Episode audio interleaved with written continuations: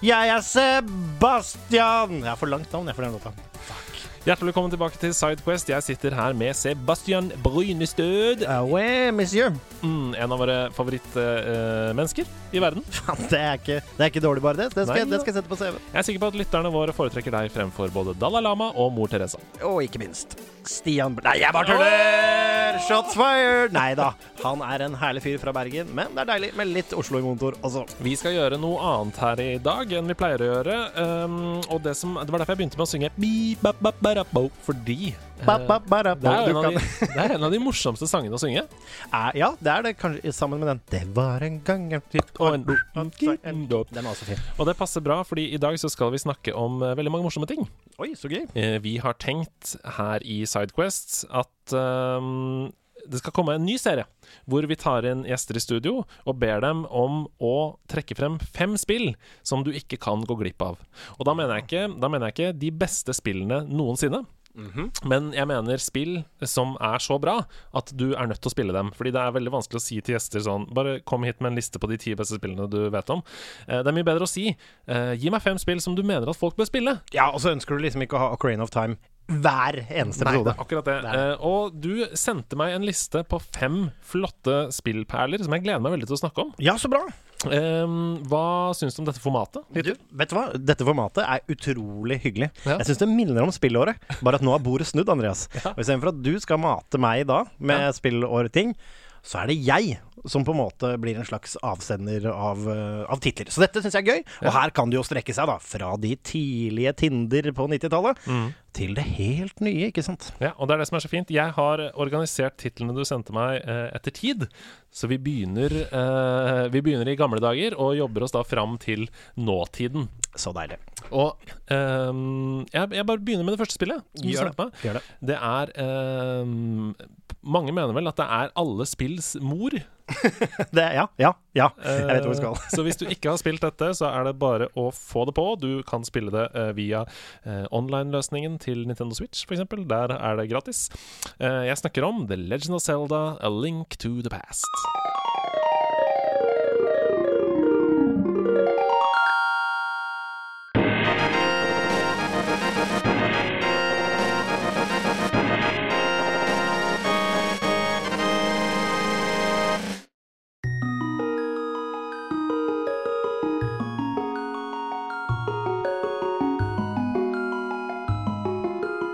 Ja da, og jeg gjorde jo narr av at vi ikke skulle snakke om uh, Ocarina of Time. Men dette spillet Jeg tror det er mange gjester som kommer til å sende det på lista si. uh, og så blir du nødt til å si Ja, Seb tok det i første episode. Jeg visste at dette var første episode, så jeg dristet meg til det. Dette er jo uh, et spill som mange har et godt forhold til. Men hvis du er av den litt yngre garde, som ikke har fått dette presset ned i hæsen av denne podcasten, alle andre podcaster eller internett generelt, eller søsken så er det bare å skaffe seg dette spillet umiddelbart. Det er en grunn til at det kommer ut hele tiden på nytt til alle plattformer, og det hele tiden følger med i Nintendo-katalogen. Det er fordi det holder seg. Det er et spill i klassisk uh, SNES-grafikk, herlig pikselert uh, kunst, hvor du er Link som skal på et eventyr beint fram for å redde Selda fra gode, gamle Ganon. Du befinner deg i, eh, befinner deg i eh, et kjent og kjært eh, kongerike. Og her er det rett og slett eh, liksom litt sånn overvinklet. eh, Du tusler rundt og slåss, men det er real time eh, combat. Det er dungeons, det er eh, top down. Det er en av de beste artstylene fortsatt. Altså Når du får det på skjerm Hver gang jeg får det på en ny skjerm, så er jeg bare sånn Ja! Det er så fint! Og det er så fint. Og jeg spilte hundrevis av ganger. 100 av det herfra til månen. Dette er et spill jeg tror jeg har 100 av hvert fall Jeg tror ikke jeg overdriver hvis jeg sier 11-12 ganger. Eh, og hver eneste gang så koser jeg meg. Musikken er perfekt. Uh, bare alle de forskjellige områdene, dungeons og når hele Og plutselig så tenker du sånn OK, har dere noe mer tricks up your sleeve? Ja, ja. Ja, ja. Da kommer over, altså Underworld, oh, Overworld-greia hvor du vet et speil Den var ikke dårlig heller. Nei, det var meget bra. Og så, det er faen Er Stian her, eller hva er det? Eh, og så plutselig så er det et nytt sted, og så snur musikken. Dup, dup, dup, dup, dup, dup, dup, dup, dup, dup. Og nei, alt.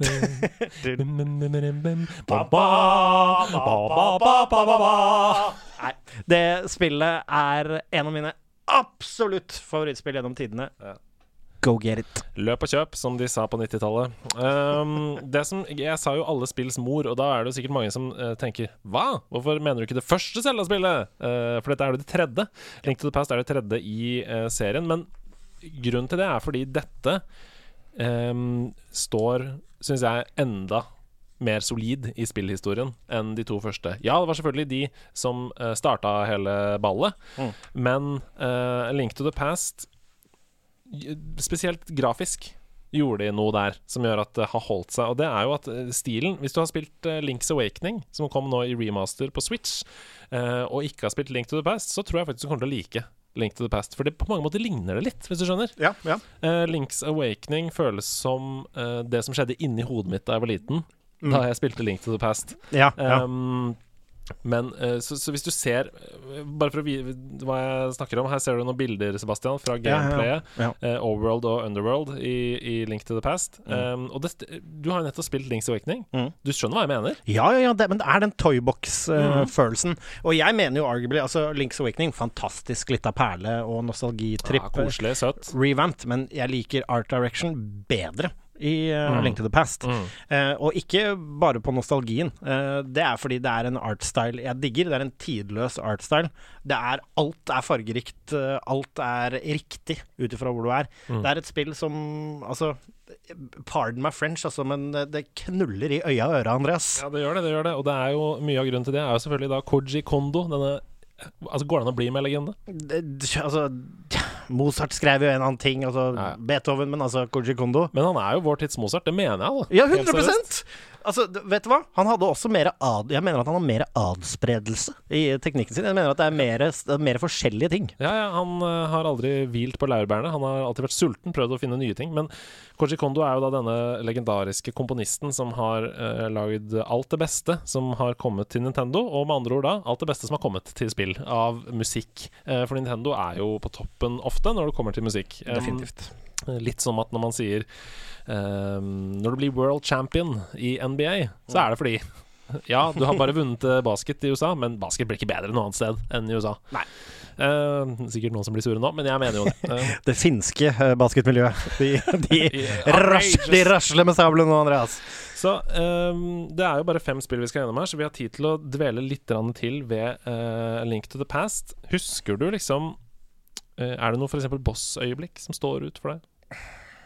Jeg tror Altså, vet du hva, jeg blir nødt til å si det som arguably på en måte er første bossen. Og det er litt sånn Fordi i barndommens, eh, barndommens ben Det er Han er jo egentlig ikke en boss sånn sett, men det er han vakten utenfor den første fengselscella. Mm. Fordi jeg husker det bare grafikken når du kommer ned og du finner Selda, hun er i fengselet. Og der står det en litt sånn ny fiende med sånn snurrekjetting som han extender. Og hvordan vi tar han, og jeg husker det som kid, at når han falt, og du får med deg Selda, og du kommer ut, og hele bare den Når verden liksom åpner seg for deg, da. Ah. Eh, det øyeblikket der, det er, eh, det er stort. Og så er det jo selvfølgelig Ganon, da. Eh, øyeblikket hvor du får knerta Ganon. Det er kanskje ikke en Zelda-spoiler lenger at Ganon får spø til slutt. Han gjør det. Apropos spoilere, nå er jo dette spillet fra 1991, så vi er nødt til å kunne snakke litt fritt om det. Eh, hvis ikke så blir jeg sur. Eh, men det, jeg snakka mye om Links Awakening i, i stad, og for å si det sånn, da. Eh, Skal jeg bare lese den siste setningen her under Story? Eh, Link sets out Dette er da etter at alt har gått bra. Link sets out to find distant lands where he can train, and is subsequently shipwrecked, resulting in the events of Link's Awakening. Det er helt, helt riktig. Så det er altså en uh, direkte oppfølger. Ja. Og så fikk vi jo på en måte eh, Fikk vi jo den A Link Between Worlds er jo også en, på en måte en mer direkte oppfølger. Oh, Men det er nydelig når du kan hoppe inn i veggen der. Oi! Det blir en annen sidequest. kan jeg komme tilbake neste uke allerede? Jeg skal ikke se bort fra det. Um, vi hopper videre, vi. Uh, Ja. Men ikke så veldig lenge. Faktisk bare en måned. Ja. En måned fram i tid. Dette 1991 var stort for deg? Ja, 1991 var et utrolig godt gamingår eh, for denne fyren her. Jeg var eh, fire, dreiv og pusha, fem år der, så det er nok ikke sikkert at jeg spilte disse spillene i 91. Jeg tror nok det er mer sannsynlig at det var rundt 92-93 Mm. at disse virkelig eh, kom til sin rett. Mm. Men det neste spillet jeg vet du skal til nå, er den første konsollen jeg hadde. Jeg hadde en Atari som var litt sånn halvveis gøy, med litt Space Invaders og dritt. Men Fin den, altså. Men Sega 16-biten, når den kom i hus til jul, da tror jeg jeg var fem. Mm. Uh, og det er min første gamingkjærlighet. Mm. Og jeg vet hvor vi skal, Andreas. Vi skal til Quackshot.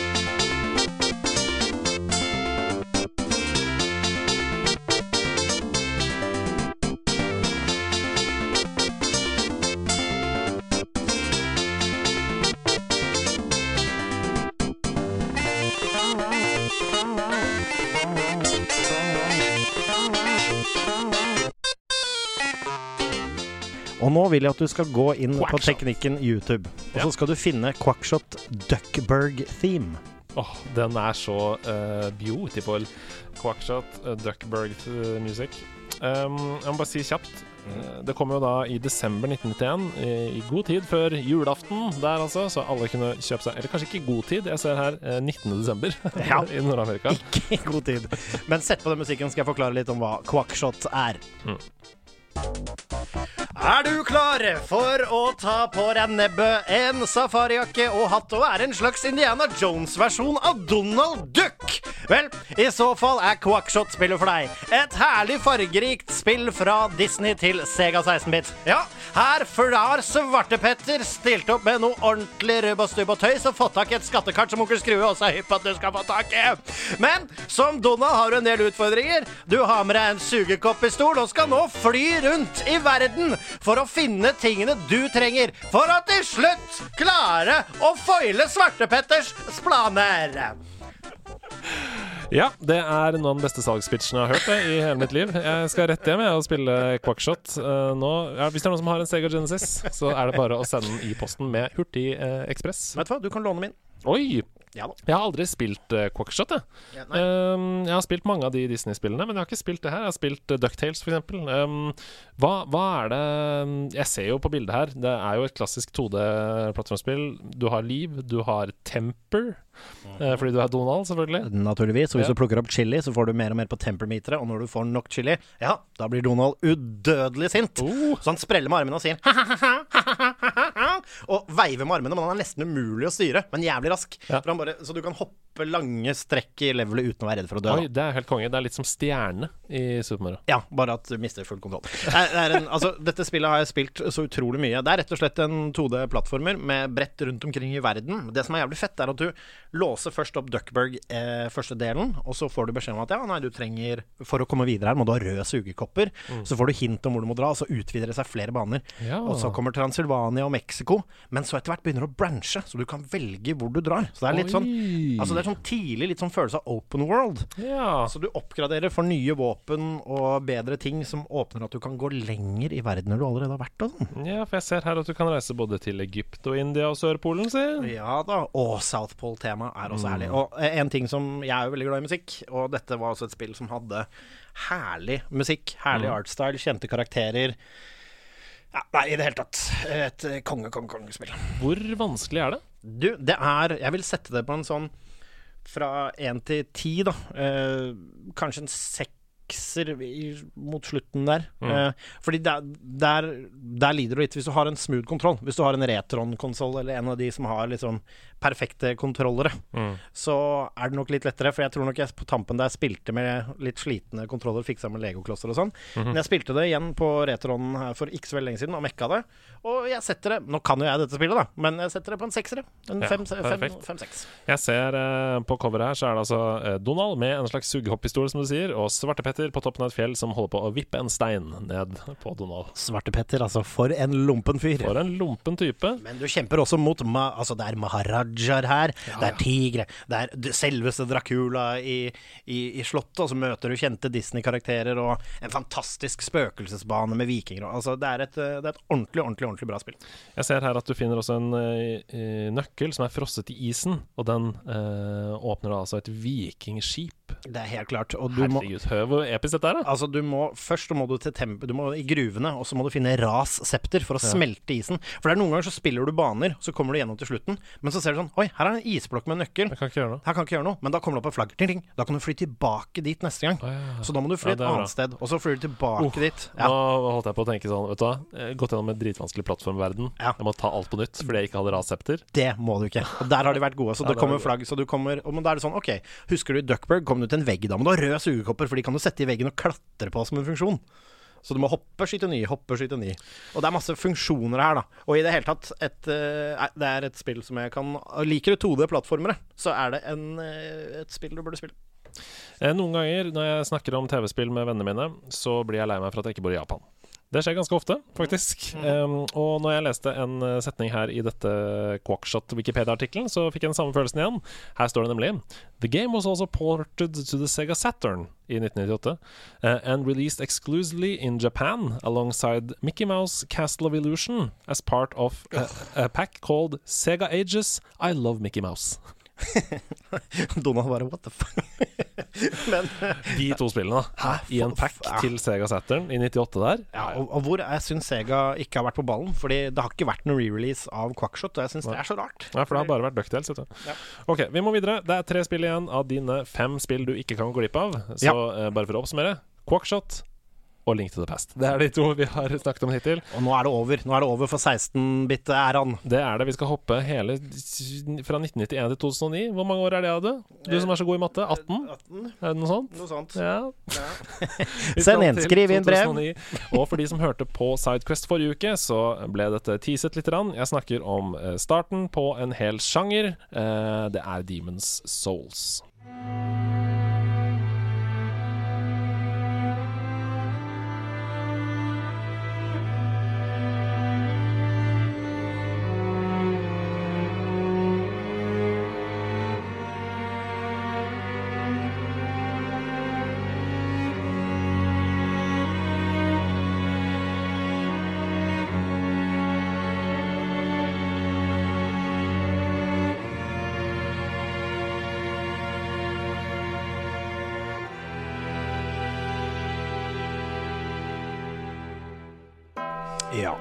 Er et spill som kom fryktelig ut av intet. Det var eh, i kollektivet jeg bodde i på den tiden. Nei, ikke det kollektivet, for dere som har hørt om det. Et annet kollektiv som jeg egentlig bodde i. Å nei, illusjonen brytes. Som du pleier å si, da. Du, du får den illusjonen brutt ofte, du, Andreas. men eh, men eh, det var meg og min, eh, eller vår venn, Eirik Lindsund, som Mm. ofte nevnes eh, her på kanalen. Eh, På mange måter en slags konge av alle kjellerstuer. Ja, han er ja, ja rett og slett. Kong Kjellerstue der. Når jeg altså. tenker på kjellerstue, så tenker jeg på kjellerstua til Erik Lindsund. Jeg, jeg føler at Eirik, eh, Eirik han, han har ikke på seg klær, han har brunt panel. Det er helt riktig. Og det er Sonic Spinball som er i bakgrunnen hele tiden. Og edderkoppkall. Han er uslåelig edderkoppkall. Men ok, nok Eirik Linsen-stoff. Men jeg og Eirik bodde sammen, og eh, vi um Eirik hadde, Det hadde kommet Eirik for øre et spill, og det hadde blitt Game of the Year eh, i Japan og sånn, og vi begynte å lese om dette. Spillet het Demon's Souls, og det hadde ikke noe release i Norge på den måten. Og hvis ikke jeg husker helt feil, så tror jeg det er Free Record Shop, tror jeg det var. Enten det eller platekompaniet, jeg husker ikke. Men der var det plutselig en import. Jeg fant dette spillet på import mens jeg var ute og browsa litt, som man gjorde mer back in the day. Og da var det en edition med en bok som liksom forklarte deg litt ting. En sånn law-bok og sånn hint, sånn kom i gang-bok, som åpenbart var laget for et europeisk marked. Jeg kjøper spillet Demon Souls. Vi setter det inn i maskinen hjemme. Vi vet at dette skal være veldig vanskelig, og vi vet at liksom, vi har lest om at ja, dette spillet her er ikke for alle. Og det var veldig mange rare sånne ting man leser. Ja, nei, satt det inn, det er umulig, og det er bare dritt, og Ja, for det hørte jeg også. Sånn, eh, du kommer deg ikke videre fra første verden. Ikke Ja. gidd å kjøpe det, for du kommer ikke til å komme deg videre. Det Nei, sånn. og det ble for oss i kollektivet. Det ble en utfordring. Mm. Og sakte, men sikkert eh, så Sakte, men sikkert så starter det som blir tidenes gamingopplevelse for meg. Mm. Fordi vi er fire karer som bor sammen, og som på skift spiller Demon Souls. Og bare Vi farmer, vi gjør ting. Det er rett hjem fra jobb, det sitter alltid noen og spiller. Vi gikk aldri videre i story, men vi farma og, og Quest og gjorde sånne ting da for å bygge karakter. Så vi kom hjem og så bare Ja, farma 20 000 souls, dynga i Faith, og For dette er jo en. RPG, ikke sant. Ja. Og det er Altså, det spillet, Vi spilte det altså i så mange timer. Vi spilte det til Eirik sin PlayStation, brødboksen. Til slutt kokte i stykker. Da hadde Oi. vi riktignok mekka den, men den kokte i stykker, for den hadde stått på i liksom fire uker. Du måtte kjøpe ny, da. ja, Og dette spillet er jo forløperen til Dark Souls, som sikkert mange Nå har jo mange flere et uh, forhold til dette. Men dette var et spill hvor du kommer inn i en hubworld, hvor du går inn i såkalte foggates. Og kommer inn i litt mer, enda mer lukkede områder enn det det er nå. Men litt mer lineære områder, da. Men det er alltid noen branching paths og noen hemmeligheter, og du kan alltid åpne shortcuts uh, her også. Og så handler hele greia om å komme seg fra A til B gjennom en foggate og drepe bossen i det området. Når du har gjort det, da har du klart den biten. Og sakte, men sikkert da, så skal du gjøre dette alle stedene før du kommer til siste sted. Der, altså Historien er jo at verden har blitt tatt over av The Old One, som har spredd the evil. Altså Dette er veldig convoluted, sånn som alle disse spillene her. Vi skjønte jo ikke en dritt. Vi møtte jo Knight som gikk rundt og prata bare piss, og de kom liksom på faste tider, og så er det sånn Ja, hvis du ikke drepte han, eller hvis du utfordra han, fikk du rustninga hans. Hvis du ikke drepte han, så møtte du han plutselig seinere. Så plutselig så begynner du å merke sånne tråder, da. Og så må du hele tiden farme verdifulle materialer for å utvikle våpen.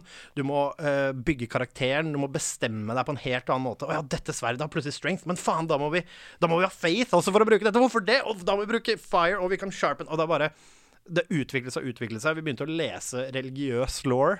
liksom bare Det var et spill vi fordypet oss i herfra til helvete. Vi, vi tilegnet nok det spillet flere kvaliteter enn det det har. Fordi det i basen sin har en av de beste core mechanicsene noensinne. Og nå kommer dette på nytt. Uh, Remaster PS5. det gjør det på PS5. Og jeg vil tippe at de har uh, Jeg vil nok tro at de har modernisert det spillet nå, sånn at for combaten her er ikke like god. Den er tilnærmet like god, men den litt mer clunky enn litt vanskeligere. Mere, det har blitt mer dancy og mer mm. build your own experience nå enn det det var.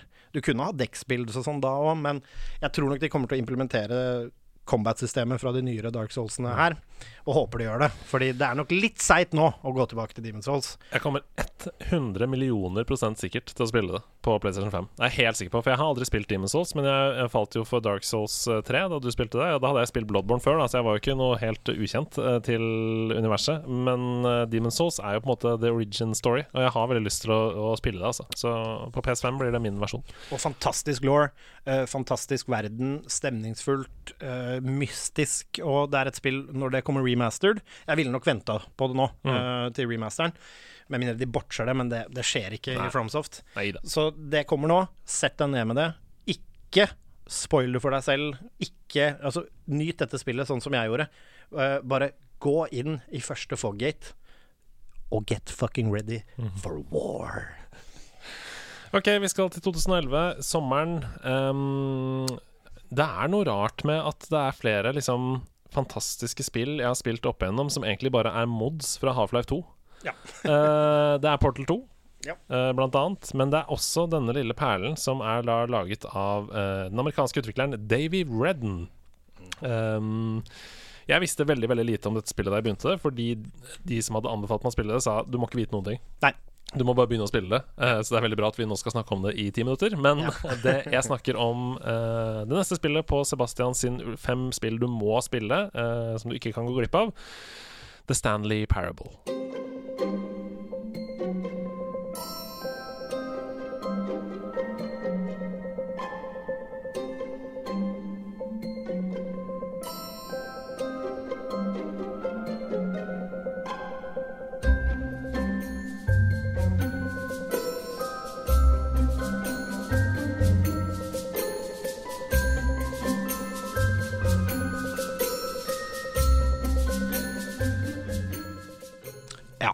Ehm, The Stanley Parable er rett og slett vanskelig. Og hvis du ikke vil ha noe spoila, som egentlig er lurt, så vil jeg nesten anbefale deg bare å hoppe litt i podkasten nå. Mm. Vi kan Eh. si ifra når du må begynne å hoppe. Ja. Uh, fordi uh, vi kan først si hva det er.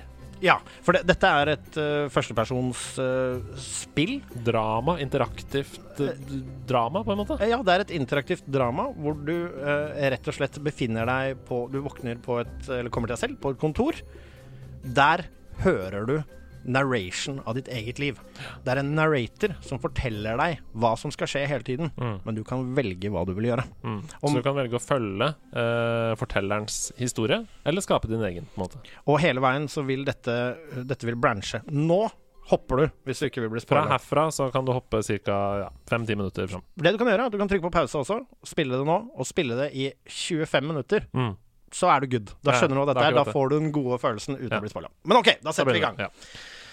Det som er helt unikt med dette spillet, er jo at er den teknikken som brukes alle Du tenker hele tiden at du skal break the game. Det er en utfordring, dette er. Break the game er på en måte det dette er. Du kan gå gjennom historien sånn som den er, og da ender den på gitt måte. Du kan selvfølgelig dø, du kan gjøre alle disse tingene her som ender historien din.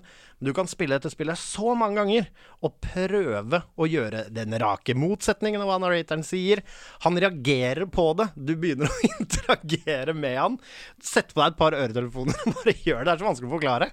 Det som er så sykt, det er at uh, du tror hele tiden sånn Nei, men de har ikke tenkt på en løsning hvis jeg gjør dette. Mm. Jo, det har de. Ja.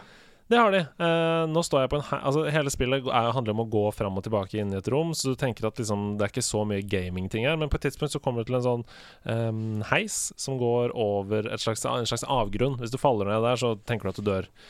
Eh, og så så jeg på et tidspunkt sånn «Å, Men det er en slags bro der. Jeg bare prøver å hoppe ut der og lande på den. Og så gikk det. Yeah. Og så får jeg plutselig en stemme som sier sånn eh, Klarer du ikke å følge enkle directions engang? Uh, og så bare begynner jeg å gå, da, uh, og kommer til et annet rom, og da er det plutselig en helt annen vei inn der. Og det er jo det nydelige med The Stanley Parable, at det er Hvor mange forskjellige slutter er da. Ja, ja, nei, det vet jeg ikke. Jeg, har, jeg, altså, jeg tipper jeg har gått igjennom Jeg har vel sikkert fått en ti, kanskje, forskjellige avslutninger som Altså, jeg, jeg satt med det spillet over to dager, en sånn tre-fire timer, og fikk mine første Begynte å få en del repeats og sånn, for det er det jo. Mm. Men, men for meg så fikk det en ekstra boost, for jeg husker ikke helt hvor og hvordan, men på et eller annet tidspunkt så klipper jeg ut av spillet. Mm. Eh, altså sånn Jeg finner en sprekk, jeg går, jeg føler meg sånn helt sånn Nå! Nå har jeg det! Nå Mm. har jeg det, en narrator.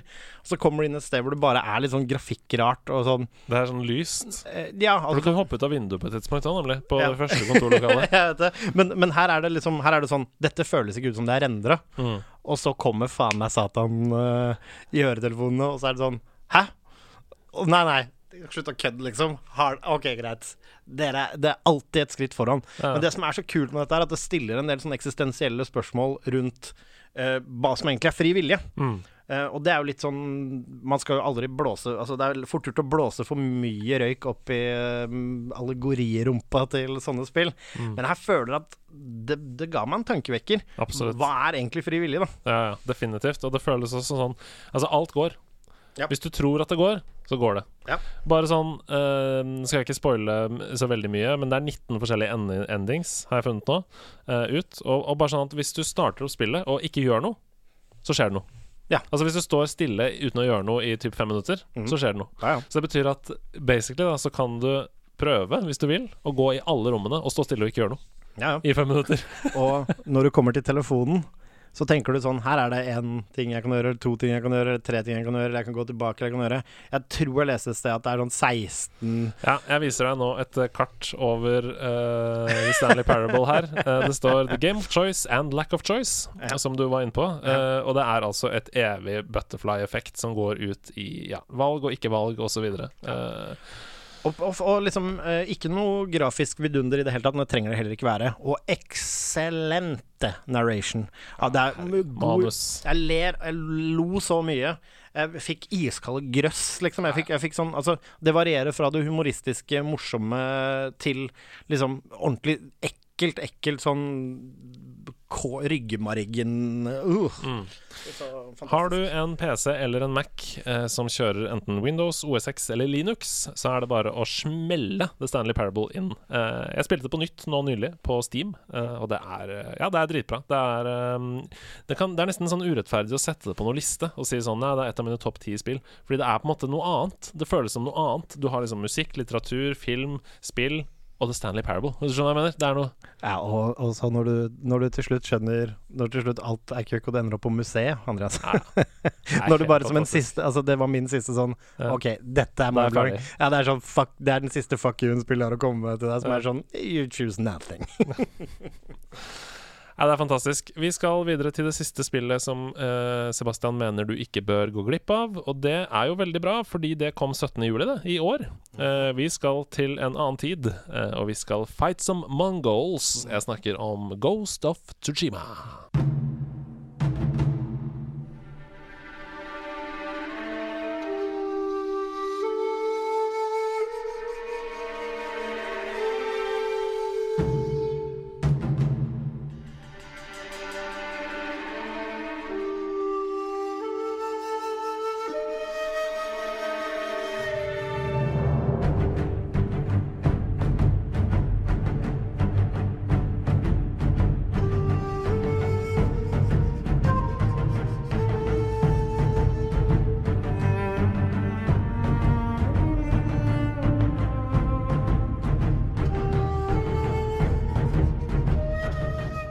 Ja, og det er, er så deilig å kunne prate litt om det nå, Andreas. Ja, fyr Eh, løs. eh, vet du hva? Eh, det var et spill som jeg har gledet meg veldig stort til. Mm. Eh, jeg styrte unna å lese noen anmeldelser, for jeg ville ikke farges eller få noe følelse eh, fra eller til. Det var sånn jeg hadde med Last of Us Part 2. Mm. Ja, så jeg bare tenkte dette skal jeg bare spille. Det skal lastes ned dagen før. og- Kjapp disclaimer. Ja. Eh, har du lyst til å spoile ting? Har du lyst til å snakke om det? Jeg kommer ikke til å spoile noe story her, tror jeg. Nei. Eh, det, for det har jeg ikke lyst til. Nei, men, men hvis du har lyst til å gå inn helt blindt, så kan du skru av denne postkassen nå. Ja. Uh, Hvis ikke, så kommer da uh, Sebastian til å snakke litt om gameplay-elementer, om hvordan man spiller, og hvordan man opplever det, og hva det er som er bra med det. ja. kommer, det er mer følelse her enn eh, noe annet. Fyr! Du kommer inn i oldtidens Japan, i samuraienes tid, på øya Sushima utenfor fastlandet av Japan. Og la meg bare si at karakter nummer én, og dette er det flere anmeldere som også har sagt, men det er jeg så enig i, jeg syns det er godt sagt at den viktigste karakteren i dette spillet er øya. Eh, bare hvordan det er Det er helt sånn hubløst. Det er Skjermen din er veldig lite kløtra av ting. Du følger vinden. Vinden blåser hele tiden. Det er masse partikler og blader og løv. Og det er veldig inspirert av eh, filmene til Kurosawa, hvis dere har eh, forhold til det. Du kan også spille spill i en Kurosawa-mode i svart-hvitt, som jeg har testa litt, som er litt slengt på etterpå, syns jeg, fordi du får etter hvert, uten å spoile, en en, eh, en stance som eh, gjør at du får den moden Du får den litt av og til, og det er mye kulere, det. Så bare Anbefalingen min ikke spille Kurosawa-mod. Å nei. Ja, for jeg har hørt at uh, altså, Rune Fjell Olsen spilte det først vanlig, og så gjennom i Kurosawa, og likte det godt. da Og det kan du gjøre, Ja. det, det er enig men ikke spille Kurosawa-mod Ja, først. først. Nei, ja, nei. nei, fordi fargene og alt her. Du spiller da Du er da lord Sakai, en uh, samurai som uh, er i en uh, Spillet begynner med et stort slag Mhm. mot mongoler som kommer til øya. Mhm. Dette slaget taper du så det synger, og de wiper ut nesten alle samuraiene på øya. Og dette er basert på virkeligheten, ikke sant? Ja, altså det er Dette er ikke en sann historie sånn, men det er basert på eh, På Sorry, mongolerinvasjonen. Så eh, der begynner du. Du er strippet for alt. Samuraiene ligger brakk. Det finnes fortsatt en del. Men du må eh, Du blir da en fyr som skal ta øya tilbake. Men du blir revet imellom de to tingene. Fordi det er en honor code hos samuraier. Mm. Den honor coden er du skal ikke stikke noen i ryggen. Du skal alltid fighte ærlig. Du skal være en beacon av honor, Mm. som er veldig viktig. Honor. Og de menneskene du har rundt deg, de er altså spesielt en karakter som er på en måte Han er ikke shogunen, men han er, han er liksom lederen. Han er uh, hovedsjefen, husker jeg ikke hva han mellomlederstillingen er i det hierarkiet. men han er sjefen på øya, og han er veldig opptatt av det. Men det viser seg at mongolerne de gjør jo ikke det. Og de er overveldende. Det er veldig få av oss igjen. Og du begynner etter hvert å skaffe deg en del venner rundt omkring på denne øya, som lærer deg nye teknikker Mm. som ikke er honorable. Og sakte, men sikkert så blir du et ghost. Eh, og mer enn det har jeg egentlig ikke noe lyst til å spoile. Du skal fighte disse. Du skal bygge deg og Du skal bygge deg, du skal frigjøre øy. Det er veldig sånn typisk open world, mange ting. Masse oppdage, masse skins, masse um, eh, Masse kosmetiske ting du kan gjøre, men også da forskjellige armors. Du kan unlocke masse mysterier, teknikker. Og hele tiden så bygger du opp uh, experience og låser opp uh, etter hvert som du studerer mongolske ledere. Så låser du opp flere kampteknikker. Ja, Og- det høres litt ut som Shadow of Mordor, faktisk. Akkurat det systemet der. Ja, ikke helt ulikt, men spillets store stjerne er kampsystemet. Mm. Det er Altså, det har Du kan tenke deg at dette her er det man føler på når man er blitt jævlig rå i Sekiro, bare hakket mer arcady. Ja. Dette er mye mer pick up and play. Mm. Du, du har jo også vanskelighetsgrader her, da. Mm. Men jeg anbefaler, jeg, hvis du liker Dark Souls, skru dette rett opp på hard. Mm. Så har du en sånn Dark Souls light, uh, Sekiro light. Mm. Super fast-paced. Parering, teknikker. Det er forskjellig. Hvis du slåss mot noen med sverd, må du bruke den stansen. Og hvis du er Ja. noen med skjold, er det den. Så lærer du kombinasjoner. Du kan deflekte, du kan dodge, du får perfect dodges og sånn. Og etter hvert så er altså Det er som å se på en dans. Jeg har lagra det, er, det er første gang på lenge jeg har lagra fights, Ja. for jeg bare må gå inn og se hvor rå var jeg egentlig her.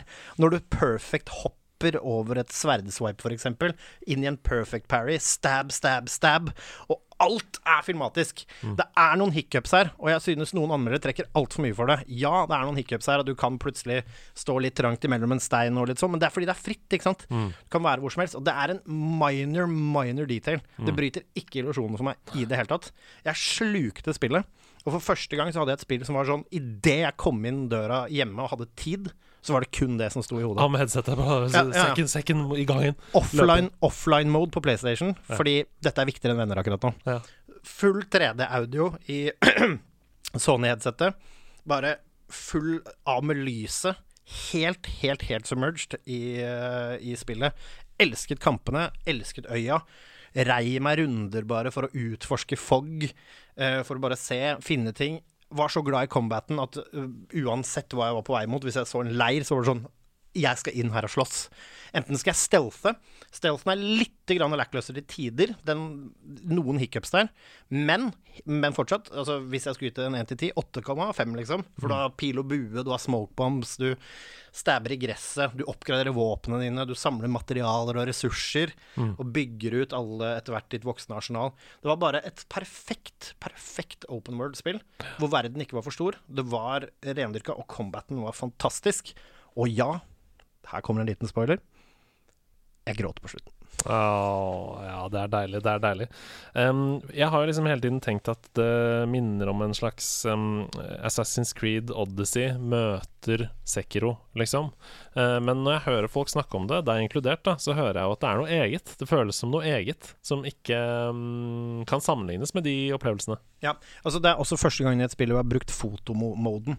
Ikke for å nødvendigvis ta bilder og bruke det til noe, men bare fordi Hold et sekund her. Jeg må bare, opp, jeg må bare huske dette, liksom. Ja, må se dette. Og du kan legge på væreffekter og black and white mode og, og, og altså Alt der, da. Altså, det er sånn er- du trenger ikke å gjøre det. Han vil til slutt legge ned sverdet sitt automatisk, men du har en swipe-funksjon som gjør at han legger ned sverdet sitt på en kulere måte.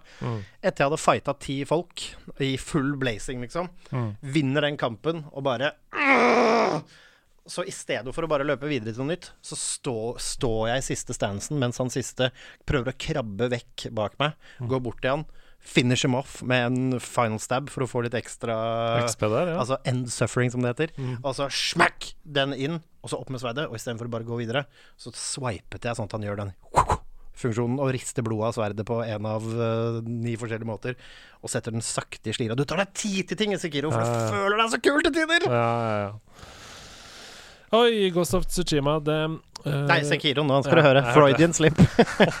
Det tar deg tid i Ghost of Tsushima. Det gjør det. det, gjør det. Og det, det vil jeg, altså jeg vil anbefale det klokkevarmt. Det er ikke verdens Det er ikke det beste spillet du har spilt gjennom tidene, men du kommer garantert til å storkose deg gjennom det. Det er gode karakterer. Mm. Det er spennende. Det er uh, noen viktige spørsmål underveis. Kule sidequests. Du har lyst til å gjøre alle stories of Sushima. Og du kan også spille dette gjennom på en relativt Det er ikke sånn totalt livsoppspisende å bli ferdig og komme seg til slutten her. Og hvis du er en mer casual gamer, fyr opp på easy da vel, eller medium, og storkos deg. Four editors from the Japanese video game Famitsu uh, video game magazine, Famitsu, gave the game a rare 40-40 perfect score. This is the third Western game to receive such a top score, along with the Elder Scrolls 5 Skyrim and Grand Theft Auto 5 by Rockstar Games. Det, det taler for seg. Jeg syns det gikk litt sporty hos noen vestlige anmeldere å trekke dette spillet for eh, ting som jeg er ganske uenig i at det ble trukket for. Så hvis du har lest mye anmeldelser og tenker sånn Jo, men det fikk bare 7 der, eller bare 8,1 der, eller hva det ligger på metakritikk nå, vet ikke jeg. Eh, for meg er dette en klokkeklar nier. Tusen hjertelig takk for at du kom og delte dine fem eh, spillopplevelser som du mener man ikke kan gå glipp av, Sebastian. Du, tusen hjertelig takk for at dere kom hit og dele mine fem spillfavoritter som du mener jeg ikke kan gå glipp av, Andreas. Dette er en serie jeg allerede har blitt veldig glad i. Eh, Jeg gleder meg til å fortsette den. Eh, Tusen takk for at du hører på. Vi er eh, Sidequest, og vi liker å snakke om TV-spill.